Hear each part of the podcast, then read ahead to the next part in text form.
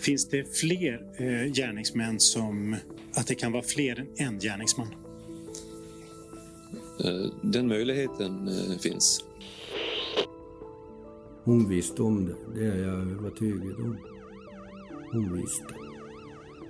Eh, jo, vi hade ett gräl och jag blev förbannad och sa till honom att för mig finns hon bara 1,80 under jorden. Du lyssnar på Hela Gotlands krimpodd Gotländska fall. Det här är del tre av Varpamordet som inträffade på 90-talet i Anga socken på mellersta Gotland. Ett mord där en liten flicka miste båda sina föräldrar i ett mörkt svartsjukedrama. Jag som gör den här podden heter Malin Stenström. I del två av den här serien fick du höra om hur Kjell sköt sig själv när polisen befann sig i huset. De var ju där för att gripa honom, misstänkt för mordet på mamman till hans barn. Vi berättade också om pojkvännen Klasses förtvivlan och vi hörde polisen Sune berätta om sökandet efter Susannes kvarlevor och jakten på mördaren.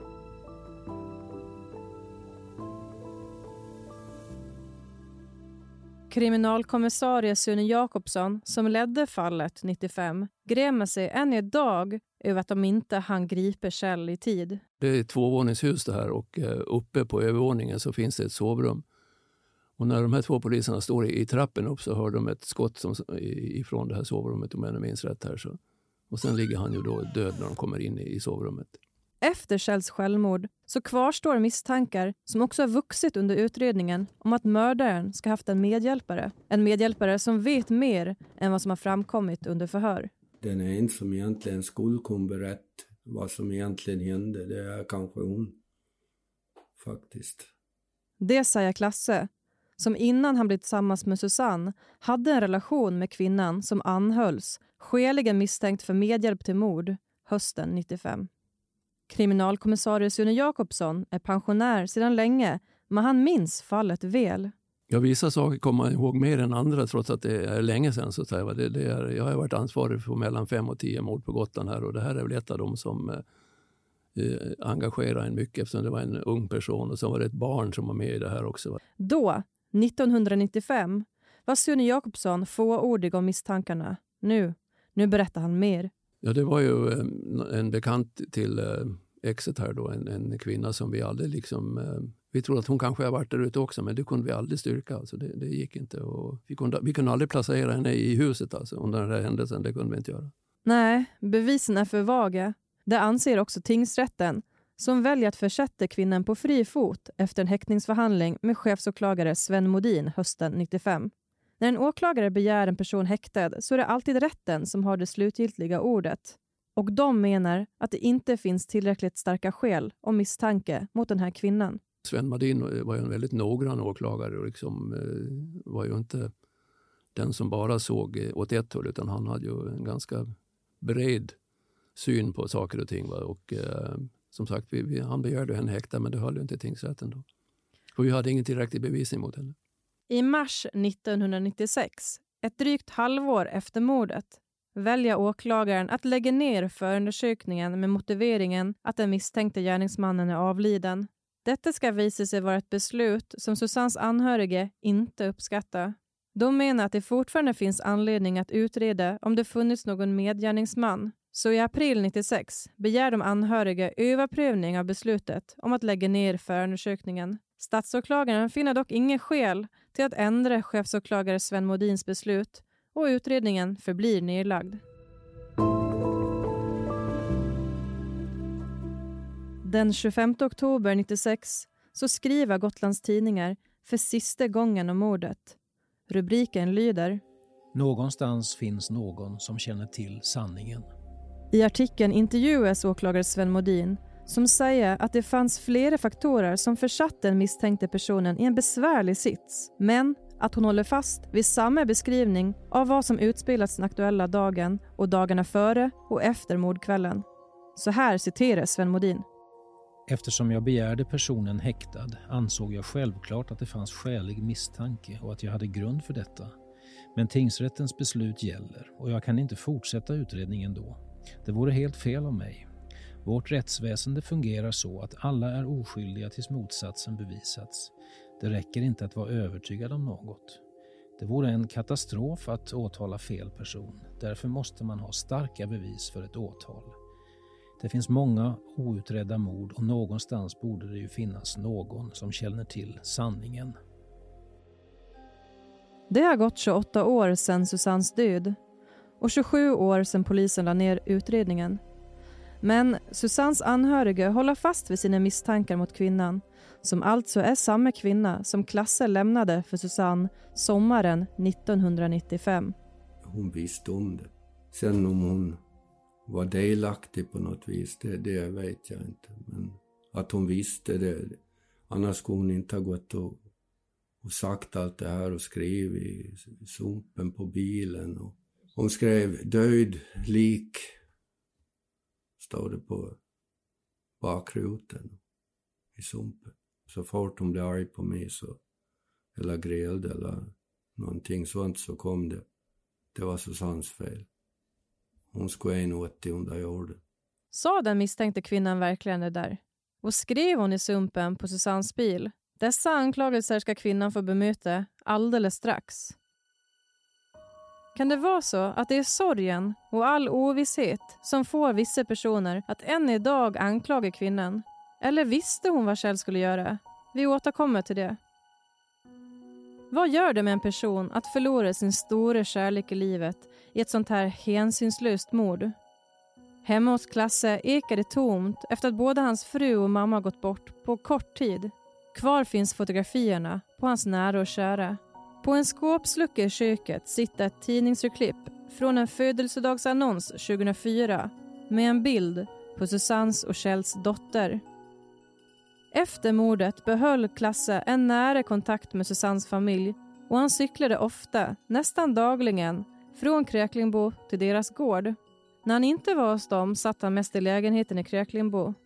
Han gick ner mycket i vikt, 25 kilo, och rörde inte en varpe på fem år. När hon var bort liksom då...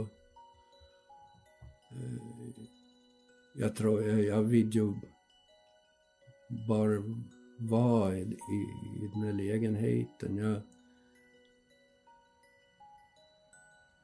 alltså några månader efter, då var det ju till och med så att jag gick i hennes byxor. Det är så sjukt alltså. Men jag gick ju ner så pass mycket så trots att hon var så liten så fick jag på mig hennes byxor. Jag gick i hennes kläder. År 1996 inledde Klasse en relation med Susannes vän Lena. De fann varandra i sorgen. Hon blev senare hans fru och det var hon som lät framkalla fotografiet på Klasse och Susanne som än idag sitter på väggen i vardagsrummet. Minnet av Susanne är fortfarande närvarande i Klasses liv och han är ofta i Anga för att besöka hennes grav. Jag har varit där inom de senaste två veckorna. Jag har varit där och tänt ljus det var en period nu när min fru var dålig och så som jag inte var där någonting. Men annars, nu är jag där igen liksom. Så det har varit och satt blommor, det har jag gjort. Och jag kan ju nog höra hennes röst ibland. Eh, hur hon låter liksom. När hon, ja, det kan jag vara. Och nu kommer vi till den där kvinnan som vi lovade som Klasse lämnade för Susanne och som var misstänkt för medhjälp till mord. Vad visste hon egentligen? Nu, för första gången, får hon kommit till tals. Vi har pratat med henne och hon väljer att ställa upp för att äntligen få berätta sin historia. Eftersom hon är oskyldig enligt lagens mening så har vi valt att byta ut hennes namn och röst. Vi kallar henne för Yvonne och vi tar oss återigen tillbaka till den 9 oktober 1995. Jag minns exakt vad jag gjorde. Jag var i skolan hela dagen. Jag studerade på komvux. Och sen hämtade jag den lilla vid dagmamman och sen åkte jag hem. Sen kom de andra hem med bussen. Så vi åt mat, de gjorde läxor. Sen efter maten hjälpte jag min äldsta son som hade nageltrång. Så jag höll på att lägga om hans tå när en kompis ringer. Och vi sitter och pratar om att hans fru hade dragit. Så vi pratar kring den här besvikelsen man känner när man blir bedragen eftersom vi satt i samma båt. Ja, så vi pratade om det tills att barnen skulle gå i säng vid halv åtta, åtta någonting. Då lägger jag barnen och läser sagor för dem. Somnar med den lilla i hennes säng. Eh, vaknar upp på natten och går och lägger mig i min säng. Enligt Klasse så hade Yvonne övertalat honom att åka till henne under mordkvällen. Han menar att det var hennes och Kjells plan att Klasse skulle vara hos Yvonne så att Kjell kunde vara själv med Susanne när han mördade henne. Men Yvonne menar att Klasse inte ens var hos henne den kvällen. Nej, nej, nej, det stämmer inte. Yvonne hävdar att sista gången hon såg Susanne var efter den där varpatävlingen i Sätravik 95, som vi har nämnt i tidigare avsnitt, och som avslutades med att Susanne och Klasse satt och pratade en hel natt på ett hotellrum. Något som i varpakretsar spädde på otrohetsryktena. Ja, klubben hade bestämt att vi skulle ta emot dem för att de hade vunnit. Redan där visste jag att någonting hade hänt mellan dem. Så jag åkte bara in och sa till honom att lägga in grejerna i bilen om du ska med hem. Enligt Yvonne hade hon aldrig någon kontakt med Kjell utöver de tillfällen som hon träffade honom tillsammans med Susanne och Klasse. De var inga vänner till mig. Jag var hos dem en gång med Klas-Göran och då var vi där för att grilla. Och då minns jag att de hade en stor jävla orm och jag har ormfobi så jag var inte ens inne i huset.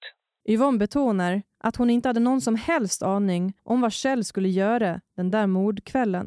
Alltså, jag levde ju mitt liv. Jag gick i skolan och det här som vanligt. Att hon försvann och att de letade efter henne, ja, det var ingenting... Eh, jag noterade så. Jag hade inte den kontakten med henne. Eh, ja, den enda kontakt jag hade haft med henne var via Klas-Göran. Men polisen var alltså av annan mening och riktade misstankar mot Yvonne gällande medhjälp till mord. Så en dag åkte de för att hämta in henne till förhör. Jag hade precis kommit hem efter en vända på Sankt Olof på grund av att jag mådde, jag mådde psykiskt dåligt. Barnen var i skolan och ja, jag skulle sätta igång och storstäda huset. Jag vet att jag lyssnar på Jerry Williams, för det lyssnar jag alltid på när jag mår psykiskt dåligt. Jag har, eh, jag har låten I Can Jive på högsta volym på stereon och helt plötsligt knackar det på dörren. Ja, där står det helt plötsligt två poliser och säger att jag ska gå med. Så jag lägger ut nyckeln till barnen och ja, jag sa att jag kunde köra själv så att jag kunde komma hem sen. Men det fick jag inte. Utan jag fick så snällt åka i deras bil. Att jag var gripen sa de aldrig. Jag skulle bara komma in på ett förhör. Så som Yvonne minns det så hämtade de in henne klockan nio på morgonen och först vid midnatt fick hon veta att hon var anhållen och inte skulle få åka hem igen. Och då har jag suttit i förhör hela tiden, nonstop. Yvonne var skäligen misstänkt, som är den lägre misstankegraden, för medhjälp till mord. Hon menar dock att hon än idag inte vet exakt vad medhjälpen skulle ha bestått i. De sa att jag var anhållen på grund av att jag ja, kunde förstöra utredningen. Men jag vet inte när hon dog. Jag vet inte hur hon dog och ja, jag vet inte var hon dog. Än idag. På en liten ö som Gotland går informationen snabbt från mun till mun och ett rykte kan snabbt bli till en sanning för vissa. En av teorierna som har florerat är att Yvonne ska ha varit delaktig i att köra ner Susannes bil till Visby hamn. Du, jag hade ingenting mer att göra. Jag träffade dem inte ens. Sista gången jag såg dem var på sommaren. Sen såg jag dem inte. Och kanske hade hon ingenting att göra med just den där bilen. För när vi frågar kriminalkommissarie Sune Jakobsson så säger han att det var en annan person som erkände att det var han som körde ner bilen till Visby hamn. Uh, vi letade efter bilen då, hennes bil och eh, uh, undrade vad den och Jag tror vi gick ut i uh, media med och bad om hjälp för att hitta den här. Då, det, det, och man, någon hittade den i, uh, i hamnen som sagt var. Och då, det var väl ett, ett villospår att hon skulle ha tagit båten iväg och då började vi, nej, men varför ska hon åka båt ifrån Gotland när hon har liksom den här planeringen med Klas-Göran och barnet här och så där, ska ta hand om det. Så var, det var ju ganska eh, märkligt att, att uh, hitta bilen där nere. Varför står den där? Och sen kom vi ju fram till att det var en bekant till, till Exeter som hade kört bilen ifrån Anga och dit ner. Då. Han har väl inte frågat så mycket varför han ska köra bilen dit ner. Det, det minns jag inte. Någon anledning har han väl fått kanske att han ska köra ner den där, men varför vet jag inte. Trots erkännandet blev den mannen aldrig delgiven misstanke om något brott. Ja, det ju, kan ju vara ett, ett medhjälp till, till uh, undanröja bevis. Då. Men inte medhjälp till mord? Knappast. Men mm. skälet kan ju vara det att han trodde att Susanne skulle komma med båten imorgon bitti. Eller, mm. jag, jag vet inte. Men som sagt, han var inte alls misstänkt på det sättet. Enligt Sune Jakobsson så misstänkte alltså aldrig polisen Yvonne för att ha varit inblandad i att flytta bilen.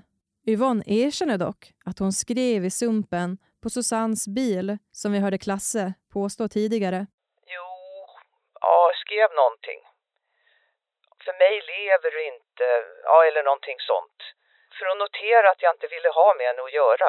Hon erkänner också att hon slängde ur sig något till Klasse om att hon önskade Susanne begraven. Jo, vi hade ett gräl och jag blev förbannad och sa till honom att för mig finns hon bara 1,80 under jorden. Det sa jag, och det sa jag mest för att såra honom. Det var, det var liksom det jag kunde ta till för att klippa till honom ordentligt. Jag vet att jag sa det i ilskan. Och det sa jag även under häktningsförhandlingen när de tog upp det. Att hur många personer som befinner sig i skilsmässor sitter inte och önskar något sånt och slänger ur sig det i ilskan. I december, ett par månader efter mordet på Susanne, så beslutade ju som sagt chefsåklagare Sven Modin att lägga ner förundersökningen eftersom misstankarna mot Yvonne var för vaga för att häkta henne eller för den delen väcka åtal. Därmed var hon fri enligt lagens mening. Trots det menar Yvonne att hon har spenderat sitt liv i skuld. Jag satt anhållen, men har aldrig varit dömd. Jag har aldrig varit häktad. Eh, men jag har betalat ett jävla högt pris och betalar det ännu idag då jag fortfarande är trakasserad. Vad jag än gör och hur jag än flyttar på mig så får jag inte vara i fred. Jag får, jag får saker förstörda, jag har fått en bil uppbränd och en bil sönderskuren. Och ja, när jag fyllde år så satte mina vänner ut en docka vid vägen. Och på dagen efter stod det mördare på den. Alltså, det är på den nivån och det lever jag med ännu. Så jag har betalat ett jävla högt pris för någonting jag inte ens varit delaktig i. Bara i ilskan önskat henne dit peppan växer. Yvonne menar att hon sedan mordet på Susanne aldrig känt sig friad från misstankar. Trots att det har gått så många år, trots allt som har hänt och allt som har bevisats, så är jag inte fri. Fastän att jag har blivit friad så är jag inte fri från folket runt omkring.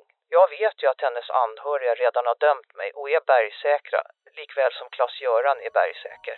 Meningarna om vem som gjorde vad den där oktoberkvällen går isär och efter 28 år är det svårt för de inblandade att sortera minnena. Det enda vi vet med säkerhet är att Susannes vilja att slå sig fri från en destruktiv relation kostade henne livet.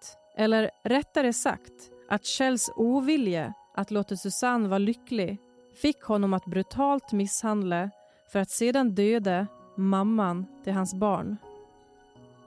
När jag började undersöka det här fallet, som på redaktionen gått under namnet Varpamordet under alla år, trodde jag som reporter att det skulle vara väldigt svårt att få någon att berätta. Men det var det inte. Tvärtom uttryckte många av dem jag kom i kontakt med att det var på tiden att vi berättar om det här snudd på mytomspunna mordet. Vid tiden för brottet, år 95, skrapade bara medierna på ytan i det här fallet. Om ens det. Gotlands Allahandas dåvarande chefredaktör valde att till och med lägga locket på så tidningen skrev ingenting om mordet på Susanne trots att kriminalkommissarie Sune Jakobsson bad dem om hjälp att efterlysa henne. Jag har varit platsansvarig på polisen många år alltså, och jag tycker nog att vi har fått bra hjälp av media. Det, det är, eh, jag tycker det. Men mm. inte just i det här ärendet, för det var väl så känsligt eftersom så många kände till de inblandade.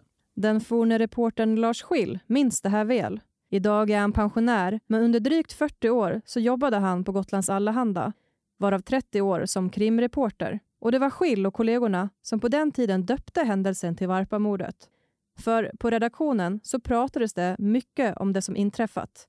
Men utåt så skrevs det inte en rad. När kroppen hittades så fick vi då order om att här skulle vi inte skriva någonting om då, vilket var väldigt ovanligt. Som sagt, på rent publicistiskt är det helt unikt för min del att det var tvärstopp på det sättet. Jag inte skrev någonting om det. Lars Schill menar att redaktionens tystnad skedde mot många reporters vilja. De flesta tyckte att det borde göras någonting på, i alla fall när det går så långt att de sökte, för då märktes det att det var något på gång där. Det var ju liksom omöjligt att dölja att någonting hade inträffat. Men exakt vad visste ju, visste ju i princip inga då, så utomstående i alla fall. Så det.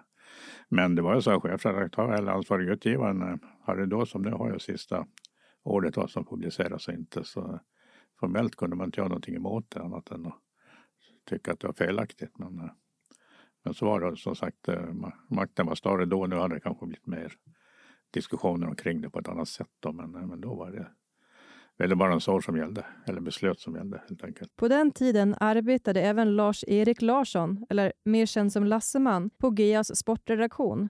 Och han fick ett samtal från Kjell efter mordet. Lars Schill berättar. Ja, han satt i, i, ja, i jobbintervju, eller en intervju om sportsligt, i sportsliga sammanhang med en person som senare tog livet av sig. Och, eh, mitt under intervjun han tydligen sagt, eller på Lasseman sa att eh, ja, jag måste sluta nu för polisen det här. Så det, och så hade han lagt på. Och sen var, men då visste jag inte Lasseman naturligtvis vad det berodde på. Eller så han tänkte han återkommer väl, men det, så blev det ju inte. Nej, Kjell återkom aldrig. I den här podden har vi försökt rätta ut så många frågetecken som möjligt. Men vissa kommer alltid att kvarstå. Till exempel om det fanns någon som visste vad Kjell hade planerat att göra den där oktoberkvällen 95. Och Klasse kommer alltid att undra hur livet hade kunnat blivit om han och Susanne hade fått leva tillsammans. Det har man ju tänkt många gånger på, hur det kunde ha blivit. Sen vet man ju egentligen inte, även om hon var mitt livs största kärlek så vet man ju inte riktigt hur det hade blivit ändå på grund av att vi mådde ju så pass dåligt eh, utanför vår plan. Då. Men eh, jag tror det, det hade nog blivit ett helt annorlunda liv. Ja. ja, ett annorlunda liv. Det hade det blivit för samtliga inblandade. För det var inte bara två personer som drabbades i det här hänsynslösa svartsjukemordet för 28 år sedan. Det är en lång tid i många avseenden men blott ett ögonblick för vissa vars sår fortfarande inte har läkt. För det vet vi med säkerhet. Susannes tragiska öde har inte lämnat någon oberörd. Du har hört podcasten Gotländska fall med mig, Malin Stenström. Producent var Demir Lilja och det här är en produktion av Hela Gotland.